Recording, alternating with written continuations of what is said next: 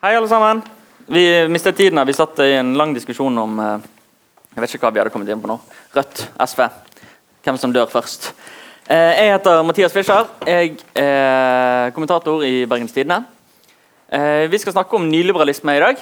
Eh, og med oss har vi et eh, kompetent panel med sosiolog og forfatter Linn Statsberg, eh, som har skrevet en bok som dere eh, kan eh, kjøpe der borte etterpå. Og så har vi med oss Christian Meisingseth, som er eh, redaksjonssjef og nyhetsleder i nyhetsnettavisen eh, Minerva, som eh, nå forsøker å bli Norges Breitbart. Og så har vi med oss Ola Innseth, som eh, hold, for tiden holder på å skrive en doktorgradsavhandling om eh, eh, ja, omtrent det vi skal snakke om i dag. ikke sant? Det jeg skal snakke om. ja. ja, Så bra. Eh, så Utgangspunktet for denne samtalen, som skal vare i omtrent en time, det er tittelen er 'Nyliberalisme hva er problemet?' Vi kommer nok til å begynne med nyliberalisme. Hva er det? Eller nyliberalisme finnes det? Og så kommer vi til å bevege oss litt utover i eh, hva er problemet hvis det er et problem. Eh, og da går vi jo rett på eh, han som skriver om dette akkurat nå. Og dette begrepet nyliberalisme Jeg eh, har jo selv bakgrunn fra partiet Venstre og har blitt anklaget for å være nyliberalist ganske mange ganger. Og jeg har aldri helt skjønt hva folk anklager meg for å være. Eh, så hvis du kaller meg for en nyliberalist, hva er det du legger i det begrepet? ja, altså, lenge, sa jo, lenge sa jo på en måte folk på høyresida at nyliberalisme det finnes ikke. Det er bare et skjellsord som, uh, som venstresida har funnet opp. Så videre, for det er jo ingen som kaller seg nyliberalister i dag. Det er et veldig relevant poeng. Men det hender jo da at høyresida refererer til tenkere og til filosofier for å si noe om sitt idégrunnlag osv. Da er det en gruppering som, som, går igjen både blant de som kaller seg liberalister, og de som kaller seg konservative. Uh, F.eks. ga Civita nylig ut en bok som het 'Liberale tenkere for vår tid'. Og sju av ni ble, av de som ble portrettert i den boka, de, de var med på grunnleggende organisasjon som uh, ble kalt Mont Pelerin Society i 1947. Og det, Mitt forskningsprosjekt handler om den organisasjonen og akkurat det møtet i 1947. Uh, eh, og På tidligere møte i den kretsen i 1938 uh, eh, så hadde de faktisk en avstemning hvor de prøvde å vurdere hva skal vi kalle oss, og de vedtok at de skulle kalle seg for nyliberalister. så det er ikke noe venstresida har funnet på, altså det er faktisk noe høyresida har funnet på helt selv. Og så Sent som i 1951 så var det en ung Milton Friedman som eh, var en veldig sentralt eh, medlem av den gruppa. her.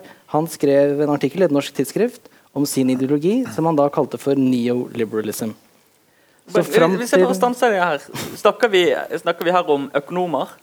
Det var aller, først og fremst økonomer. Det var noen filosofer eh, og en del sånn tenketankfolk. for de begynte med det allerede da og noen som forretningsledere. Men i alt, jeg tror jeg har eh, statistikk på det her, men jeg tror vi snakker 32 av 37 på det første møtet var eh, økonomer. da. Mm. Så helt fram til utpå ut på 1950-tallet så kalte denne gruppa seg Hvis tenkning har vært avgjørende vil jeg si da, for hele dagens høyreside, og dessverre kan man kanskje si betydelige deler av venstresida også, de var kjent som nyliberalister. Men så ville de ikke hete det lenger. Bl.a. fordi flere av dem var overbeviste om at deres form for liberalisme det var på en måte den eneste sanne liberalismen, den eneste veien til lyset osv.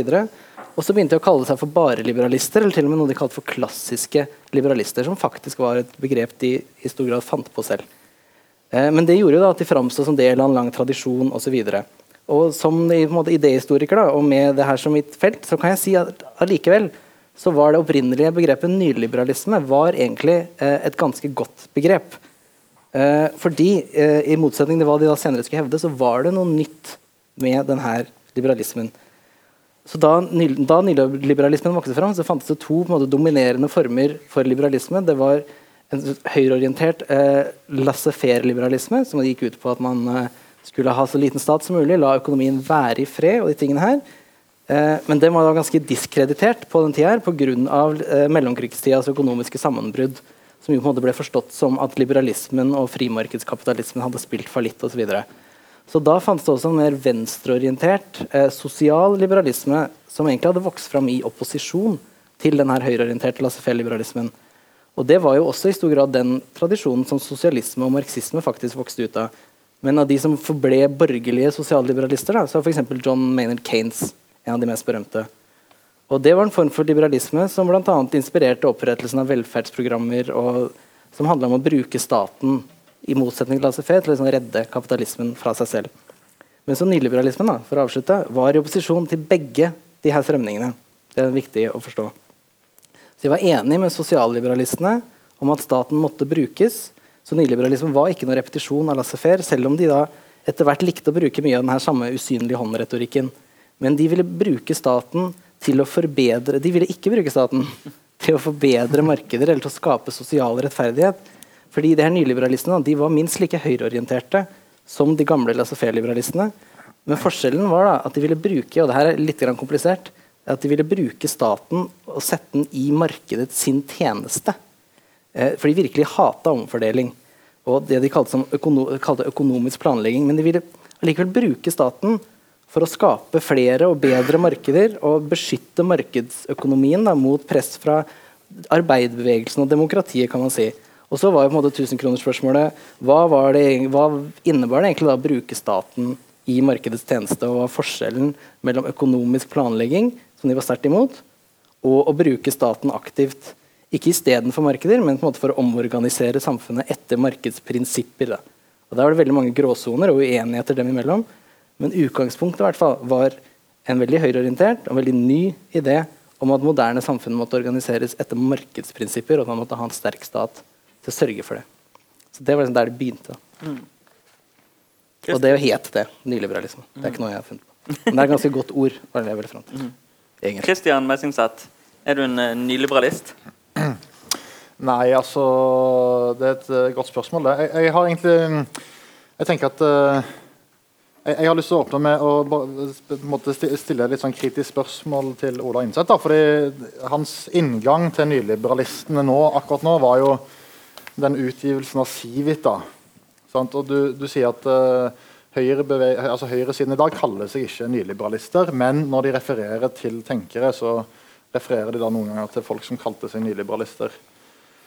Og da gjør du en sånn uh, assosiasjons, et assosiasjonsresonnement der du jeg vet ikke, der du kanskje impliserer da, at dagens høyreside står for et politisk program som du definerer som nyliberalistisk, uh, og som da befinner seg i denne kampen som du tegner opp sant, mellom uh, på den ene siden liberalistene og på den andre siden arbeiderbevegelsen og demokratiet, sa du. sant? Og det, det, altså det, det, er en måte å beskrive ideologisk diskusjon på som tilhører fortiden. Altså man må huske at Mange av disse tenkerne som du snakker om, de, de, opererte jo i et ideologisk univers som var utrolig mye mer polarisert enn det vi har i dag. altså Senest på 70-tallet så fantes det jo en levende kommunistisk bevegelse i Norge. I dag gjør det ikke det. og Arbeiderpartiet har knapt spor igjen av den kommunismen de en gang hadde i sine egne programmer. Og det, altså Skal man forstå dagens høyreside, så, så må man jo da ikke se tilbake på et sånt eh, renspikket liberalistisk program, men heller se på hvordan hele det politiske universet har konvergert i veldig mye større grad. Altså den, den sterke ideologiske spenningen i dag finnes kun mellom veldig marginale bevegelser på politiske ytterkanter. På høyresiden er det knapt mulig å spore et liberalistisk parti i dag. På venstresiden så har man Rødt, som fremdeles er et kommunistisk parti. Men Høyre, Civita, som du nevnte, tenketanken Civita, Minerva, som jeg skriver for, Arbeiderpartiet, Venstre alle, disse, alle disse, De store partiene i Norge har blitt enige om sant, et mye mer blandet eh, ideologisk ståsted, sant, som har elementer fra markedet, elementer fra statsstyring, sosialdemokrati osv. Så, videre. så det er mitt innledende poeng. da, At den måten å analysere dagens politiske situasjon på ikke er spesielt konstruktiv. Ja, hvis jeg skal liksom si noe da, mellom måte, sammenhengen eh, mellom de her økonomene og filosofene og, og, vår tid i dag Det er jo et veldig langt sprang. Og det er for så vidt ikke det jeg jobber med i avhandlinga mi, men jeg må prøve å ha en mening om det også.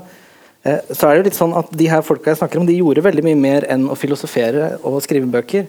Og De oppretta altså denne organisasjonen, Mont Pellerin Society, Eh, som i dag er senteret i et ganske omfattende og veldig godt finansiert nettverk av tenketanker. Det heter Atlas Network heter det i dag. Og De har en egen nettside hvor de skriver om frihet og markedsøkonomi og hvor vakkert det er. Og så lister de opp ca. 450 tilknytta organisasjoner i nesten 100 land i verden over. Og I tillegg, særlig i USA og i Sør-Amerika og Asia også for så vidt, så er det hele universiteter, i hvert fall institutter på universiteter som er privatfinansiert og utgjør da en del av denne tankekrigen som jeg vil hevde at, at, de faktisk er med å kjempe, selv om det fins forskjeller osv. I Norge så er det Civita som er deres gren, finansiert av skipsredere og andre kapitalister. Det er ikke noe hemmelighet. Uh, og ingen skal komme og si at ikke Civita har spilt en avgjørende rolle uh, i å få på plass dagens høyreregjering og påvirke deres politikk. I Sverige har det noe som heter Timbro, uh, som er enda større og har hatt enda større innflytelse. Og tilsvarende i Danmark osv. For all del, i Skandinavia så opererer tenketankene på en ganske annen måte enn f.eks. de liksom mest outrerte libertarianske tenketankene i USA. og Civita prøver alltid å framstå som moderat. og og Deres fremste bidrag kanskje har vært å samle de ulike partiene på høyresida om et felles regjeringsprosjekt, og så dytte offentligheten litt, litt til høyre gjennom det Kristin Clemet har omtalt veldig presis som eh, problemformuleringsprivilegiet. Så denne Idékampen foregår på forskjellige måter på forskjellige steder. og Den er ikke voldsomt koordinert heller, det er ikke jeg sier, men de inngår jo i et nettverk da, som, som, utgår fra Mount Pellering Society. De hevder å ha de samme verdiene osv., og, så og de har Hayek og kompani som husguder. Og, og, den måten her å jobbe på da, det fungerer jo faktisk mye bedre enn f.eks. kommentaren i, i mellomkrigstida, med strikte manifester og følging av partilinja osv. Så, videre. så det, og det en del historikere på en måte er i ferd med å finne ut av, er at denne nyliberalistiske bevegelsen innebærer en ny og hittil ganske dårlig forstått form for politisk organisering og påvirkning. Og det er ikke bare det at jeg er inspirert av Med, med en liten replikk. Altså, altså, uh, det, ideolo altså, det, ideologiske ståstedet som du også har, da, uh, som jo er på en måte sant, uh, Som Klassekampen har manifest, sant, altså den litt sånn ytre venstresiden i Norge i dag, er rett og slett litt konspirativ. sant? Altså, for å trekke linjer, snakke om en sånn litt sånn internasjonal bevegelse og båndene til Civita osv. Det minner meg om folk på høyresiden som står ganske langt ute og snakker om Norge som den siste sovjetstat. Og når de snakker om Gerd Liv Valla, så snakker de bare om hennes kommunistiske ungdomstid. Og så trekker de linjer og så viser de at den eh, sosialdemokratlederen og den var med i AKP, ML i sin ungdom osv. Så, videre, sånn, så trekker de disse linjene og viser allianser osv. Men det er jo ikke spesielt eh, presist, rett og slett. Og da må man også huske at dette nettverket av Mont Pellerin og gamle nyliberalister og Civita og sånn, det de har klart, er jo å få inn en regjering som har høyere offentlige utgifter enn noen annen regjering før de. Så De har jo ikke akkurat stått bak noen voldsom liberalistisk eh, revolusjon i Norge. og For min egen del så hadde jeg jo veldig gjerne ønska at uh, den var mye mer liberalistisk enn den var. så det ønsker du helt sikkert. Men det betyr jo ikke at det ikke fins. Så den alliansen du beskriver, den har jo uh, dessverre veldig lite gjennomslagskraft, spør du meg. Ja, hvor skal jeg begynne? Uh, jeg tror at uh, jeg hadde egentlig tenkt å begynne et annet sted, men jeg vil bare kommentere på det vi har hørt akkurat nå. fordi at Eh, og Dette er jo ikke et hjul som jeg har funnet opp. dette er på en måte Når man diskuterer nyliberalisme internasjonalt, enten man gjør et Google-søk på aviser, leser noen bøker osv., så, videre, så finner man nemlig dette argumentet. Eh, nyliberalismens makt ligger i det at det i dag har klart å erobre det vi tenker på som sunn fornuft. Ikke sant? Så Når du snakker nå, så er det sånn Uff, dere på venstresiden, eller dere er konspirative, litt sånn aparte, langt der ute kanskje litt sånn samfunnsklovner, egentlig. Eh, mens vi, vi her, eh, i den liksom sånn eh, ja, litt Arbeiderpartiet Høyre, vi, vi, er de fornuftige. Vi er realpolitiske. Eh, mens dere, dere, har litt sånn eh, meninger på siden av oss. Eh, I stedet for at vi nå kunne diskutere som to likeverdige parter, hvor du sier jeg representerer én politisk retning, og, og, og, du gjør, gjør en annen. Og så diskuterer vi som to jevne parter, fremfor at jeg ofte opplever i sånne debatter at jeg blir da eh, en som skal argumentere mot det som er sunn fornuft. Og det er på en måte nyliberalismens triumf. ikke sant? Det er, det er markedsliberalismens triumf. At den har klart å få oss til å tenke på dette som det mest naturlige i verden. Kanskje til og med det mest uunngåelige. Eh, og det er jo sånn rart, da, i og med at den samtidig lanserer seg som den ideologien som har mest mulig valgmuligheter. Eh, for oss alle sammen, så er det samtidig noe i den som sier at det er uunngåelig. Um, og nå, har jo jeg, nå er jeg er jo av de da som mener at Ola, Ola her har rett. Jeg har lest Ola og mye av det han har lest, og tenker at dette, denne basisen er korrekt.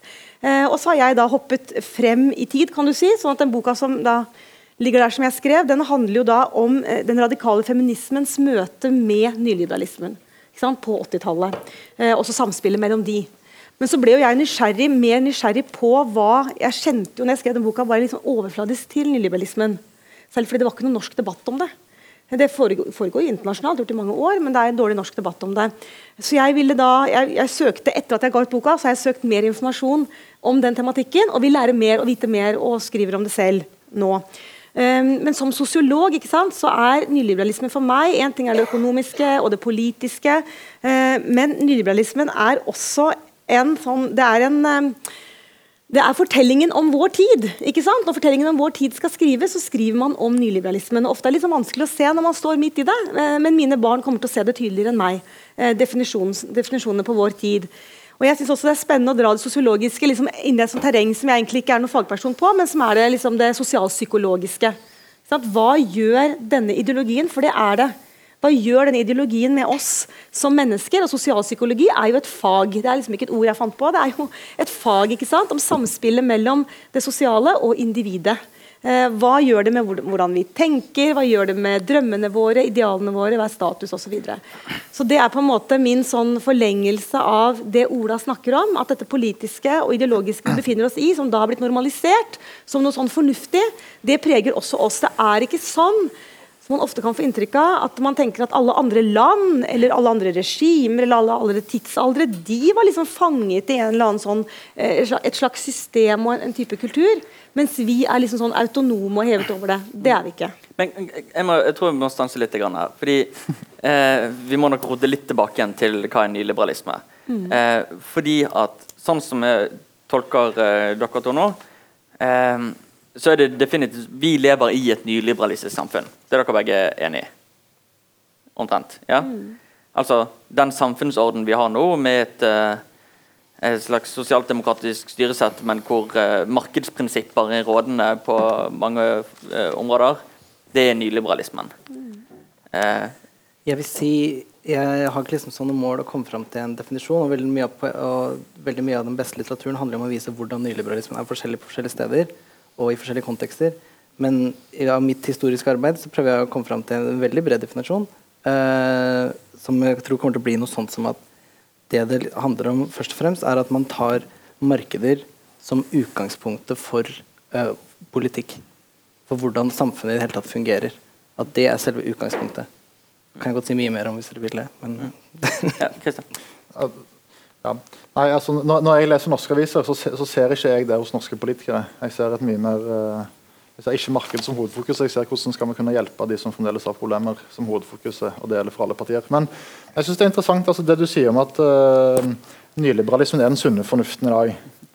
Og, og, altså, hvis man da går med på den uh, definisjonen der, da er det sånn at uh, Du nevnte Arbeiderpartiet og Høyre. Mm. Er da nyliberalistiske? Ja, SV er de også nyliberalistiske. Hvor langt ut på venstresiden må du før det slutter?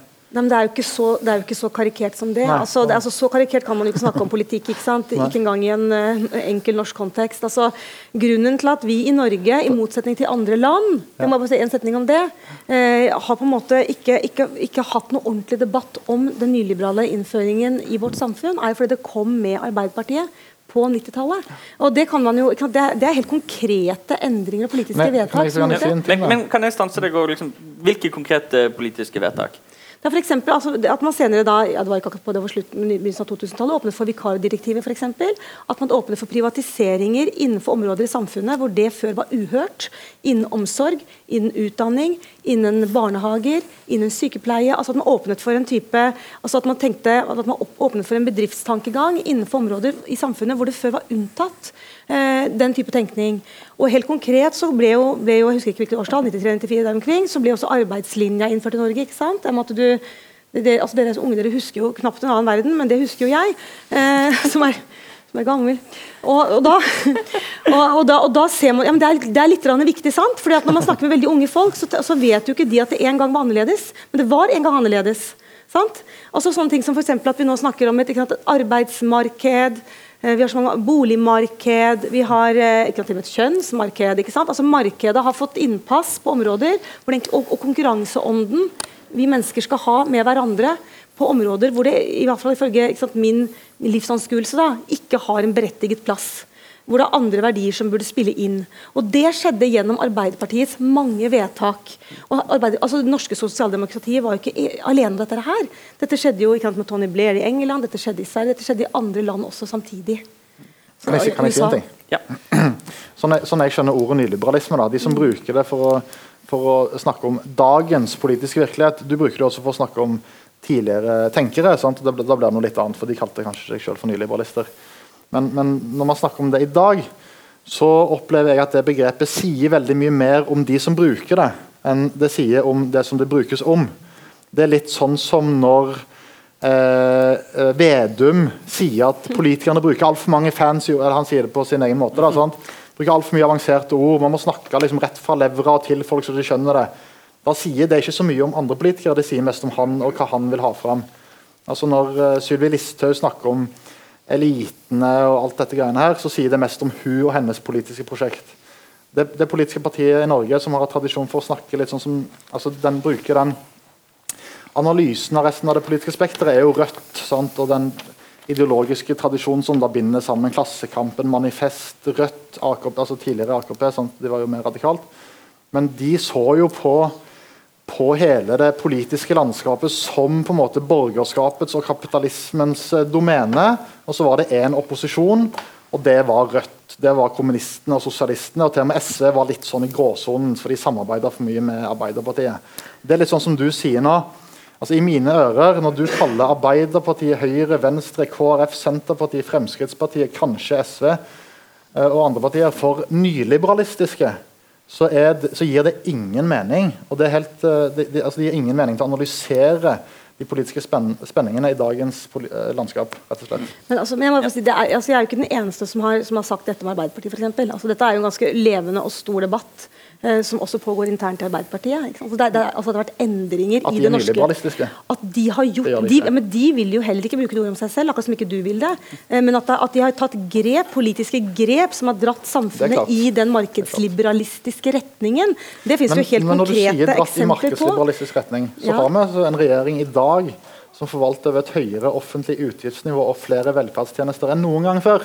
Så denne markedsliberalistiske dreiningen har jo Men- vært ganske ja, men det, sped. men det at altså. stat bruker penger, det handler jo også om hva de bruker pengene på. For at det, altså, for at det, er det som Grunnen til at jeg syns det er interessant å bruke det ordet i det hele tatt, er for jeg tenker at hvis man skal eksempel være en kritisk borger, da, dersom man ønsker å drive maktkritikk, og vi driver jo altfor lite maktkritikk i det landet her fordi vi tror vi er så innmari like, og at alle har like muligheter osv., så, videre, så har vi ikke det. og Vi må drive mer maktkritikk. Og Da må man jo også klare, da må man også bevisstgjøre hverandre på å ha en samtale som vi har i dag. Eh, også på hva er det, hvilke, hvilke, hvilke krefter og hvilke altså arenaer er det makten ligger i, hvilke hender er det makten ligger i i dag. For Hvis ikke vi gjør det, så ender vi opp med å krangle oss imellom om de smulene som blir igjen. og det er jo liksom da rasisme og andre sånne liksom uhyggelige ting oppstår. fordi at vi retter ikke fokus på der pengene faktisk er. Og det at, eh, det at ulikhet øker, eksempel, det er jo ikke, det er et faktum. Ulikhet øker mellom land og i land, også i vår del av verden. Og Det er jo ikke sant, grunnlaget for at vi da som havner på den nederste delen av de ulikhetene, eh, begynner også å krangle om småting, i stedet for at vi har fokuset på der makta er. Og I den prosessen så vil jeg at dette ordet skal etablere seg. Eh, og og det dere snakker om Arbeiderpartiet nå, det får meg til å stille et kritisk spørsmål til deg, Ola. Fordi eh, når vi for Nå går vi liksom tilbake til, til Gro og til Tony Blair og eh, til EØS på 90-tallet. og at da, I mine ører så skurrer jo det litt av at du skal måtte bruke Civitas som eksempel på nyliberalismen i Norge, hvis hele det politiske Norge er gjennomsyret av, av nyliberalismen. Altså, måte, det må jo være en av delene. Enten så er det liksom den der eh, lille Akersgata-kretsen med Christian på Civita-kontoret i Oslo og den der eh, liberalistfolkene i Høyre som er nyliberalistene. Eller så er det liksom hele det politiske Norge. Det er ikke litt rart Nei, det å gå liksom etter Civita-gjengen hvis hele det politiske landskapet i Norge er nyliberalistisk. Det er et veldig godt og relevant spørsmål. Hele det her med, med Arbeiderpartiet og venstresida og hvordan ulike partier, hvem er nyliberal, hvem er ikke nyliberal. Det er veldig veldig viktig og relevant spørsmål som, som eh, er litt kompliserte, men som ikke på en måte betyr at vi bør avfeie hele greia likevel. Hvis jeg kan få Nok en gang så har jeg lyst til å komme tilbake til de her organisasjonene, som det visstnok er litt ufint å snakke om. Men, eh, for det er jo ikke bare det at den bevegelsen var inspirert av de her ideene og starta av eh, disse folka, men hele den teknikken eh, som handler om å starte tenketanker osv., er jo ble beskrevet veldig tidlig av sånne luringer som Friedrich Hayek og eksempel George Stigler, som var sånn Chicago-økonom, som også var president i organisasjonen. Og det, det handler ikke om å skrive manifester og stille til valg, eh, men så handler det om å påvirke det intellektuelle klimaet og den offentlige samtalen. Og til slutt måte, måten vi tenker om politikk på, før vi i det hele tatt vet at vi tenker på politikk. Anthony Fisher var det man som, het, som grunnla en av de første nyliberalistiske tenketankene i Europa, da, i England. Institute of Economic Affairs. Og Han var en riking eh, som gikk til denne Friedrich Hayek og spurte hvordan han kunne bidra i kampen. Og Han foreslo at han skulle bli politiker og at han skulle kjempe for nyliberalistiske ideer. på den måten. Og Det var da Hayek sa til han at nei, isteden burde han starte en tenketank. Og dermed påvirke på en mer subtil og til syvende og sist kan man kanskje si mer effektiv måte. Og Det handler jo om faktisk politikk, ulike policyforslag osv. Og, så og foreslå ting. Men mer grunnleggende, så tilbake til det som eh, Linn prøver å snakke om, at det handler på en måte om å forandre hele politiske klimaet, eller det man ofte kaller tidsånden. Og selv om det på ingen måte prøver å si at det er sånn at nyliberalistene har fått akkurat den verden de ønska seg, eh, så må det sies at det har vært et tidvis veldig vellykka prosjekt. Og hvis vi kan komme til Arbeiderpartiet nå, for En viktig måte som nyliberalistene har klart å påvirke samfunnet på, i tillegg til å påvirke politikere og beslutningstakere mer direkte, er gjennom økonomifaget.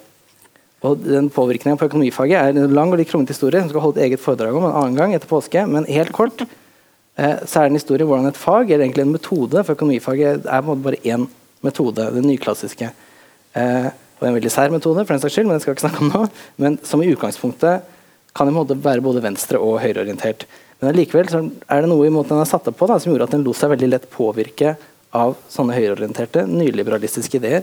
Og til en viss grad uten at fagets utøvere helt skjønte det selv. Og det tror jeg er mye av grunnen til at de første og største nyliberale reformene eller de første i hvert fall, i Norge, delprivatisering av Statoil og Telenor, eh, innføring av ny Public Management i offentlig sektor, ble innført av Arbeiderpartiet, som da var styrt av økonomer som Jens Stoltenberg og Tormod Hermansen, som da praktisk talt hadde fått nyliberalisme inn med morsmelka og så på sine reformer som faglig rasjonelle og upolitiske, når det viser seg, i ettertid i hvert fall, det var mange som sa det da, for så vidt, at de i virkeligheten innebar ganske store politiske endringer. Men, men der vil jeg gjerne stanse for det, det der er interessant. for Vi snakker om nyliberalisme som en sånn ideologi. Eh, og det blir eh, måte, det blir fremstilt veldig som det er noen som har en sånn klar agenda et ønske om at samfunnet skal bli sånn og sånn. Eh, men, men, det du skisserer der, det, det, det, tenker jeg, det beskriver litt av det samfunnet vi lever i nå, som dere skisserer som det nyliberalistiske, etter min mening ikke, sånn som jeg oppfatter det, ikke er et særlig ideologisk samfunn, men som et veldig sånn, praktisk orientert samfunn hvor, du, eh, hvor alle sammen er enige om at vi skal ha et eh, demokrati, et sosialdemokrati, vi skal ha velferdstjenester til folk.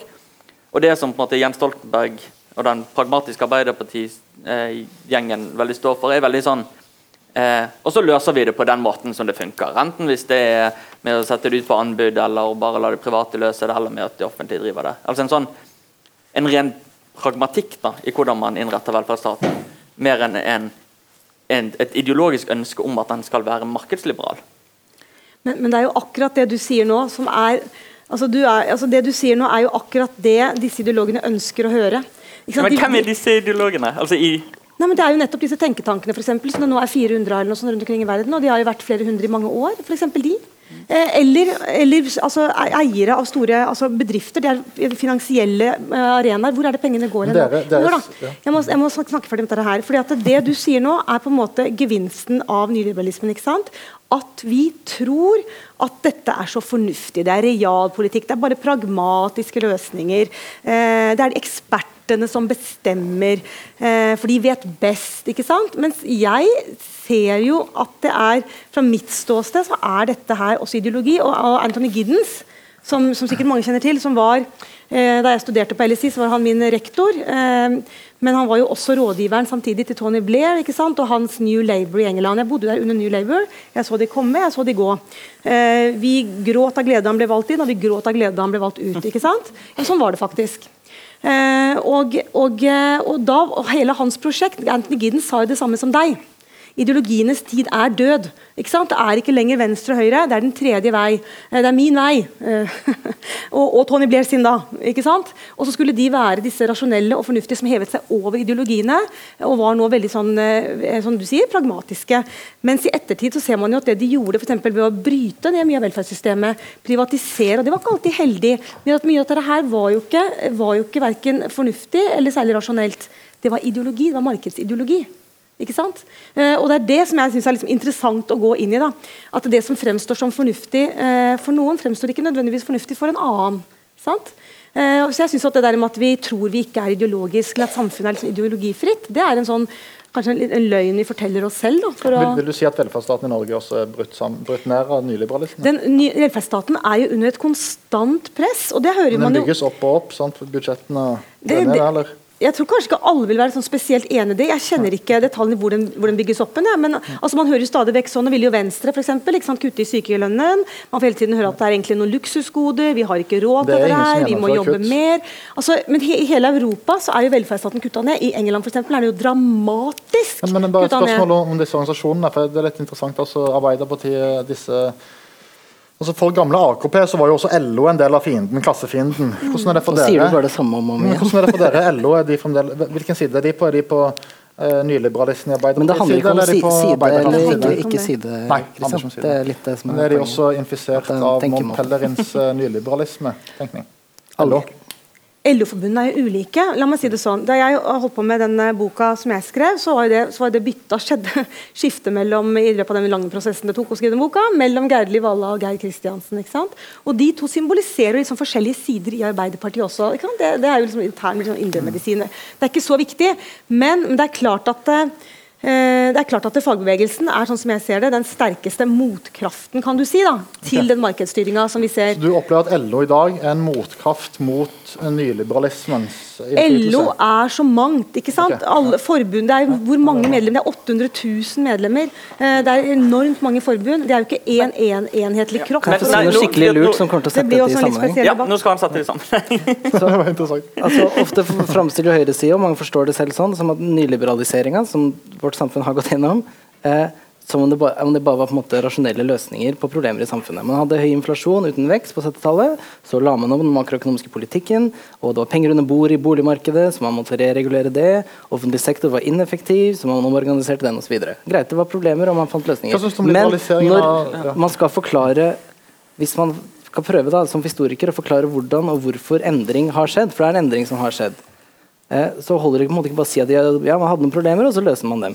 I stedet for måte forsøke å forstå hvorfor noe ble forstått som et problem i utgangspunktet, og hvorfor noen løsninger ble valgt framfor andre. Og Der tror jeg det er for å være mer konkret at det er nyliberalismens tenketanker som har klart å spille en viktig rolle i det som Lind beskriver som sunn fornuft osv.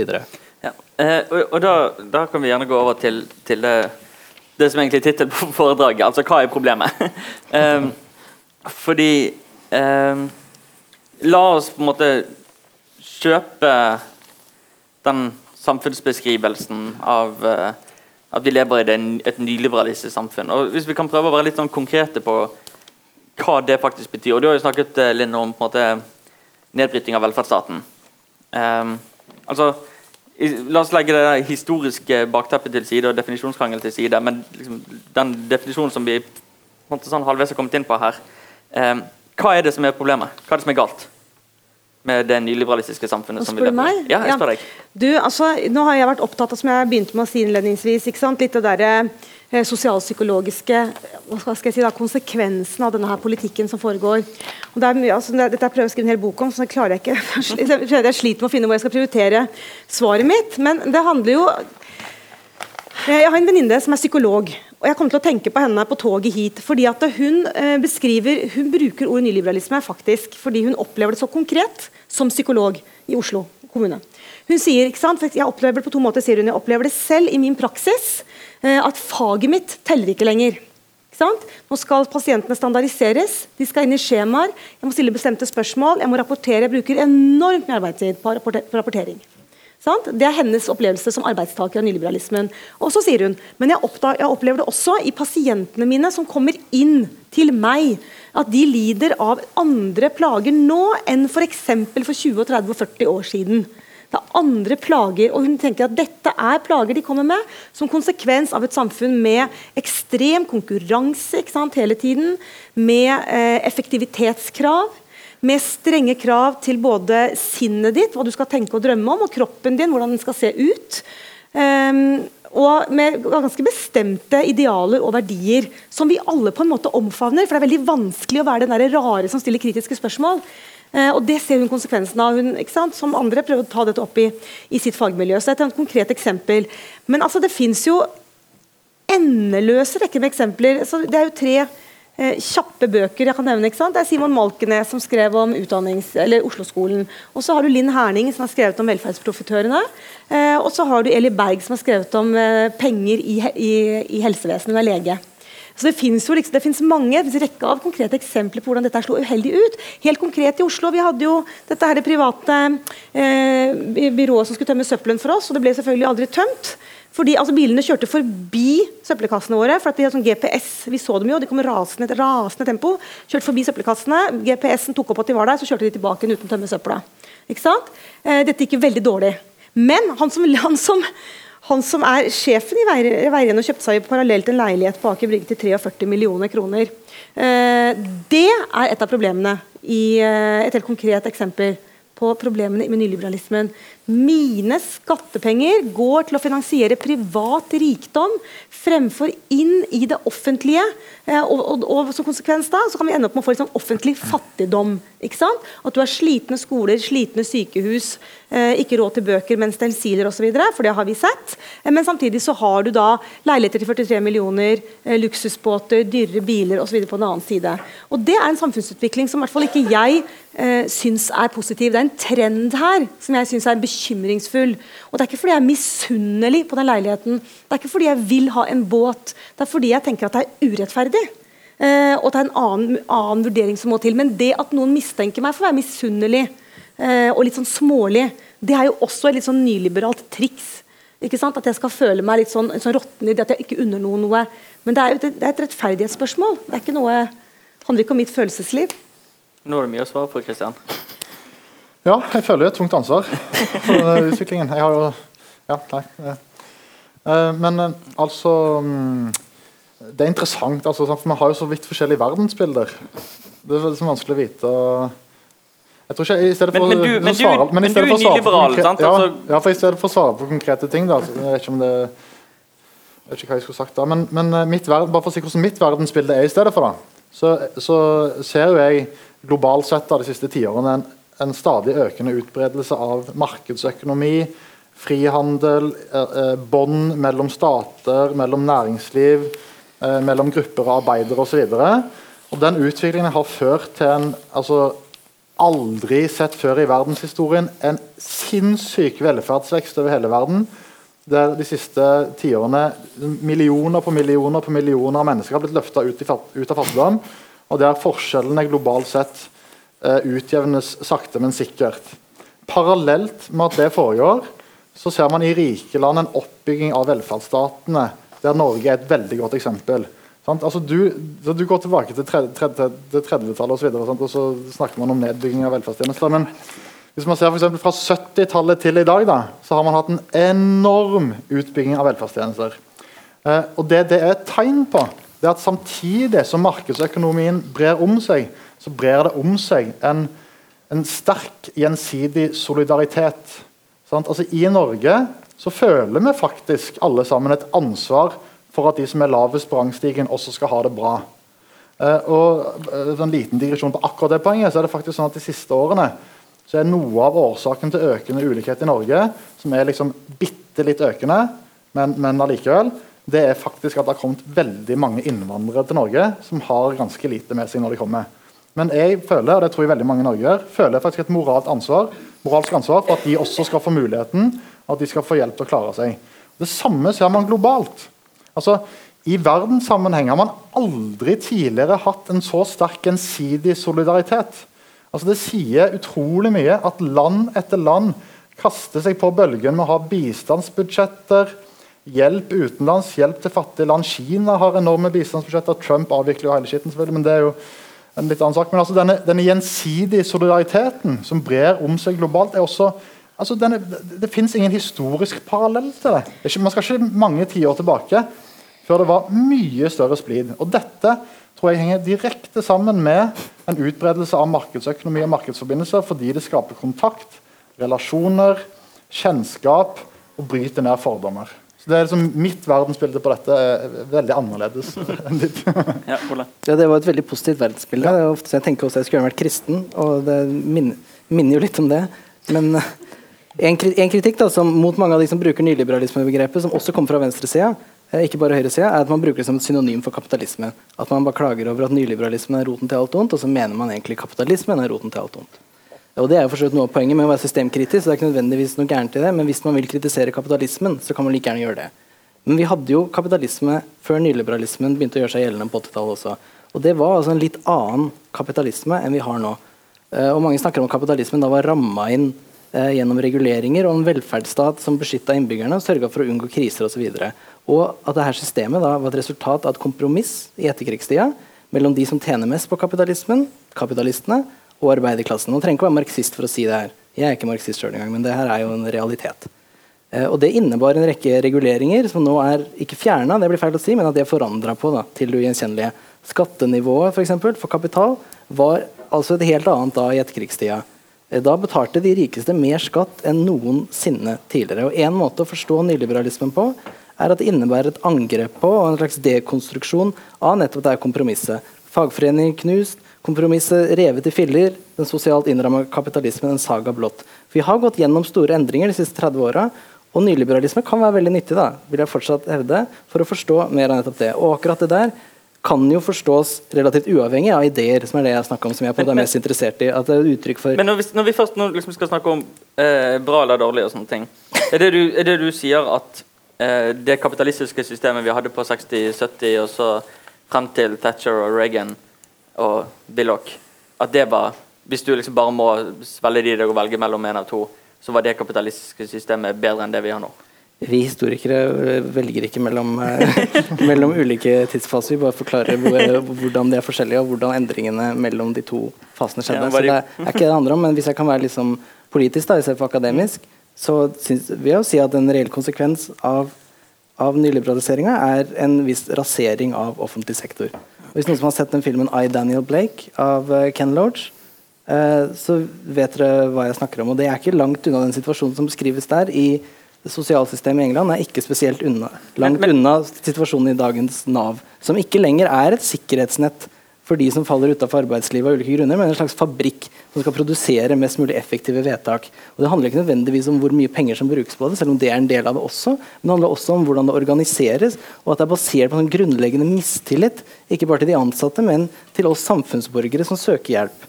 Så Både kutt i velferdsstaten og omorganisering av den etter markedsprinsipper er henta rett ut av nyliberalistisk filosofi. og det, vi ser det er gjort mulig av det påvirkningsarbeidet som den nyliberalistiske bevegelsen, som altså finnes, enten man liker å snakke om den eller ikke. og Det er ikke en konspirasjonsteori. Det trenger ikke, å være, trenger oss å være helt utenkelig at noen har gått sammen, og mennesker og med utrolig mye ressurser, og de har satt seg fore, det har du skrevet veldig tydelig, at de vil forandre verden og gjøre ting annerledes. Og så har de lykkes til en viss grad med noen av de tingene. Det er jo ikke helt spinnvill konspirasjonsteori. Det må vi jo bare kunne ta inn over oss. Eh, Len. Ja, nei, altså, jeg vil kommentere på det du sa, Christian, at du hadde jo en masse fine tegninger av verden der som Sikkert noe av det er sant, men det var jo sånn visst noe religiøst aspekt i det. at det var jo helt sånn udokumentert. Altså jeg tenker at den der Solidariteten mellom land den er jo liksom litt mer skeptisk til. Da. Når du ser på litt av verdenssituasjonen i dag, så føler jeg at uh, verdenslederne tvert imot prøver jo alltid kan å gjøre oss til uvenns med hverandre. Uh, og, og dehumanisere folkegrupper på en måte som vi ikke har sett på mange år. Det er noe en ting. Det andre er jo ting som, som de mener er typisk for, for liksom vår samtid. Der, hvor er den solidariteten? Her sitter vi i dette rommet her, sitter på alle som sitter i dette rommet her. Vi har på oss klær som er produsert av arbeidere i andre land, som er våre medmennesker, som jobber seg i hjel. Eh, rett og slett til, dø, til døde eh, for de klærne vi sitter i. Dette er ikke noe, sånn, det er ikke noe solidaritet her eh, mellom, med de arbeiderne, selv om vi nyter godt eh, av, av, det markedet der. Men telefonen min, som jeg liksom elsker overalt i verden, Eh, jeg var på konferanse jeg møtte en mongolsk kvinne, og hun så telefonen min og bare freste. Bare, kan du ikke bare kaste den med en gang? Fordi at uh, hennes natur blir ødelagt av store selskaper som skal ha ingredienser til den ikke sant? i de mongolske fjellene. Uh, kongolesiske barn på 8-9 år løper rundt i gjørma tolv timer om dagen for å finne ingredienser til dette her. Dette er en slags moderne uro, tenker jeg. Dette er en del av det som sender folk til psykolog med angst og panikk og alle mulige vanskelige følelser. At vi vet dette. ikke sant? At det, at vår velferd, vår komfort, eh, vårt velbehag er faktisk bygget over lesten til andre medmenneskers eh, elendige livsvilkår. Og Det er jo konsekvensen av at det som teller, er å få eh, profitt Så når du tegner dette bildet, så blir jeg litt så rystet. fordi for eksempel, sånn som Saskia Sassen, da, som er jo en kapasitet på globale forhold. ikke sant? Hun har endeløs rekke eksempler av landområder på denne jordkloden som nå folk flykter vekk fra fordi store konserner kommer og kjøper opp vann, de kjøper opp jord, de kjøper opp fjell, de kjøper opp elver, der folk har levd i tusenvis av år. Disse må nå flykte inn til byene, derav urbanisering, ikke sant? og leve i fattigdom der. Det er ikke noe sånn, sånn Coca-Cola opererer ikke solidarisk. ikke sant? Altså, De opererer jo etter, etter sånn profitt. Eh, sånn at det, og det, det, det og Der ligger jo liksom litt av kreftene i markedet også. at Det er ikke nødvendigvis folkevalgte politikere eh, som, som, forvalter all makt og alt ansvar, men at det er, det er andre aktører da, i bildet som kan ta den, ta den, rollen. Det sa for øvrig hun mongolske kvinnen jeg begynte med. at Hun sa jeg skjønner ingenting, folk er imot selskapene, regjeringen vår sier at de er det, de kommer likevel. Eh, ikke sant? Og Det er jo et kjempeproblem, og det er jo et nytt tema for så vidt, som vi ikke har tid til i kveld. Men det er alvorlig, mener jeg, da, at en del av nyliberalismens problem er jo at den undergraver det folk, folkedemokratiet. At folkevalgte stadig vekk mister makt til fordel for de som har eh, penger. Og de som har penger, har jo stadig vekk med, altså Det er monopol monopolisering ikke sant? av kapital også i vår tid. Som i hvert fall for meg er liksom litt skummel. da. Christian. Jeg har lyst til å nevne to ting. altså Først bare noe, det du sier altså med den nedbyggingen av velferdsstaten osv. Jeg intervjua en gang til Minerva en som heter Peter, Peter Kuril Klitgaard, som har, vært med og jobba med, med Cepos i Danmark, også en sånn tenketank med bånd til Mont Pellerin Society. Han har også vært aktiv i Mont Pellerin Society. Og jeg han, han, han, er mer sånn liberalist av den gode klassiske typen, da, eller nyliberale typen. Og Hans analyse av utviklingen i de vestlige samfunnene er jo på en måte speilbildet av ditt. sant? Han ser jo at liberalismen har blitt pressa tilbake fra skanse til skanse. At velferdsstaten har tatt over samfunnsområde etter samfunnsområde og nå på en måte leier sine innbyggere fra, fra barselseng til grav. Sant? Det er hans ideologiske analyse av, av utviklingen. Så han som da han som da medlem i Montpellerin Society ser det motsatte av det du ser. Han, han er ganske velstående, eller? Han er akademiker. Offentlig finansiert. Men, men, eh, ja, ja. men, men også det du sier med solidaritet altså, Jeg er jo helt enig. altså Herregud, Man skal ikke stole på kapitalistiske selskaper, men du er jo en manifestasjon av den solidariteten jeg snakker om. Sånn, du har jo pill råtten samvittighet for alle de fattige barna som du eh, kjøper varene til. Sant? Og den samvittigheten der, mm. det er faktisk bare en kjensgjerning. At den brer nå etter hvert om seg såpass mye i vestlige befolkninger at selskaper faktisk altså, jobber ganske hardt for ikke å ha den type ting på samvittigheten. Sant? Og det er store serier Aftenposten TV hadde den der uh, Sweatshop-serien. uh, Men ble det noen endringer? Ja, altså, det, altså, historisk sett da, sant, over tid den, den, industrielle revolusjonen begynte på 1700-tallet i England. Da var det de engelske innbyggerne selv som jobba til de daua og jobba seg til blods og flytta fra landsbygda til byene. I dag så skjer det i andre fattige land. Sant? Men den lange historiske utviklingen her er jo at vi går mot en verden der alle i verden har det veldig mye bedre. Og Veien dit er ganske hard og tøff, men den, den, den går gjennom en utbredelse av markedsøkonomi, av næringsliv, av bedrifter som tar ansvar. Ikke gjennom en sosialistisk revolusjon eller hva som er alternativet. det vet jeg ikke egentlig. Ja. Ja, altså jeg ser på en måte ikke på det som min oppgave å peke på hull eller problemer i nyliberalismen. Men med liksom å forstå og forklare ideene, hvor de kommer fra, hvordan de har påvirka samfunnet osv. Jeg, jeg tror på en måte ikke at samfunnet er et intellektuelt problem, og hvis vi bare liksom finner riktig svaret, så ordner alt seg. Eh, men er, når det snakker liksom problemer, og det du begynner å snakke om nå, om historiens gang osv., syns jeg det er verdt å påpeke hvordan nyliberalismen, eh, akkurat som marxismen, men i litt mindre uttalt grad ofte, hviler seg på et veldig stort sånn metafysisk narrativ om selve historiens gang. Hvor nyliberalisme tror at markeder og kapitalisme er noe naturlig noe som praktisk talt alltid har eksistert, noe som, som overhodet ikke stemmer for de som skriver historien om de periodene hvor kapitalismen oppsto. Og så Sosialismen da, og arbeiderbevegelsen, som man kan jo synes som man vil om det, for all del, men for dem så er det på en måte en stor intellektuell feil. Det snakka Hayek, da, som var sjefen deres, veldig mye om. Det er på en måte sosialistisk intellektuelle Men det var jo ikke det Kristian sa. Det Kristian snakket om, var jo utviklingen på en måte fra den perioden du sier var der nyliberalismen startet, og at den har vært positiv. Det, jo det er jo liksom basert på en, en, teori, en metafysisk teori. Og er det basert på metafysisk teori å si at færre mennesker er altså, Mindre andel av befolkningen er fattig nå enn det var på 80-tallet? Ja, altså. liberalister er veldig glad Det kommer selvfølgelig fram, som det alltid gjør, at eh, liberalismen har løftet eh, millioner ut av fattigdom. Det Det elsker man å si, og klappe seg selv på skuldra. Og Hvis man ser på de grafene over eh, inntektsutviklingen i verden, så er det en veldig stor andel av verdens mennesker som har fått det bedre, og det er jo da middelklassen i Kina og India. Brasil. Eh, Og det er faktisk ikke verdens fattige. Men det kan jo godt hende ting har blitt litt bedre for all del, men det ligger et enormt sånn framskrittsnarrativ i bunnen her, det er vi frem til, som er det samme som marxismen har. Jo, jo, for det er metafysisk. Det er faktisk ikke bevist Det er veldig stor forskjell, fordi marxismen ja, ja, sant, Man snakker om historiens lovme- lovmessighet. Ja, ja, det men marxismen går altså, jeg, jeg jobber jo med ja, det, det er kanskje vanskelig parallell, da, men, men de marxist, marxistene tror jo som regel at verden går til helvete. Altså, de tror at nå inntreffer det snart en økonomisk katastrofe. Men så blir det sosialisme. Markedene bryter sammen, og så kommer revolusjonen, og så kommer sosialismen.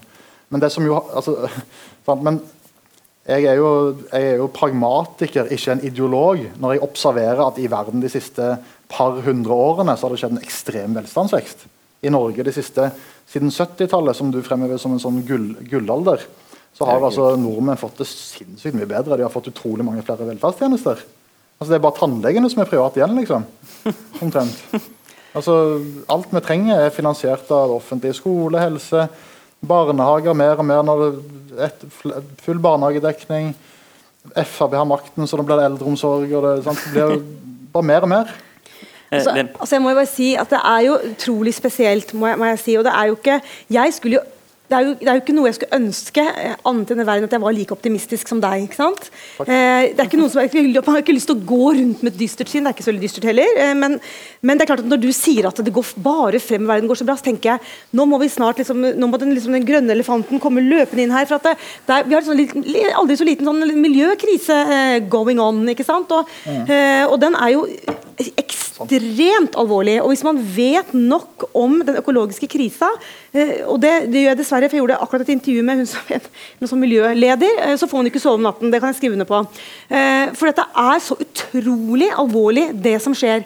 Eh, Og det er jo også noe som jeg synes er, ikke står på tapetet i dag, men som er unektelig en del av samtalen. Hvordan denne evige troen på, på vekst, kontinuerlig vekst, at kaken bare kan vokse og vokse, vokse, vokse, vokse, det er jo noe av det som kjører jordkloden liksom rakt ut til, til eh, ja, men det er, det er jo det, ikke sant? og vi har, og vi har liksom en miljøkrise eh, som går. Vi har, en, vi har pågående finanskriser. Vi skjønner jo ikke enda hvordan finanskrisen i USA rammet vanlige mennesker der. Det er fremdeles hundretusenvis av vanlige mennesker i dyp dyp fattigdom pga. finanskrisen i 2008. Og vi liksom merker jo ikke det engang, så hva med den, liksom? Eh, og, så snak, og så ser man jo utviklingen med ikke sant, arbeidsledigheten i Europa, prekariatet i Norge, midlertidige jobber, eh, vikarbyråer, eh, boligmarkedet osv. Jeg er jo ikke sånn spesielt lystig på mine barns vegne ikke sant? når jeg ser den verdenen de skal vokse opp i.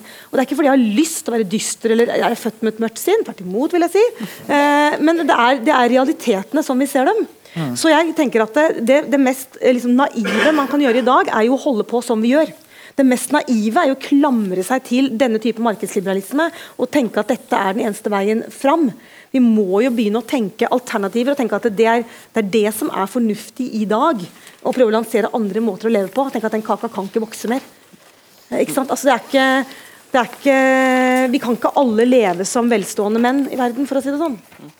Du er en velstående mann. Ja, jeg er en veldig velstående. Men, eh, jeg har fått jobb nå, faktisk. Så jeg er velstående. Men, men eh, altså, vekst er faktisk utrolig viktig. Sant? Og det du sier med finanskrisen sant? Man kan jo se hva det har ført til i vestlige land. Det har ført til en eh, oppblomstring av populisme både på høyre og venstre side som faktisk ikke er spesielt eh, behagelig.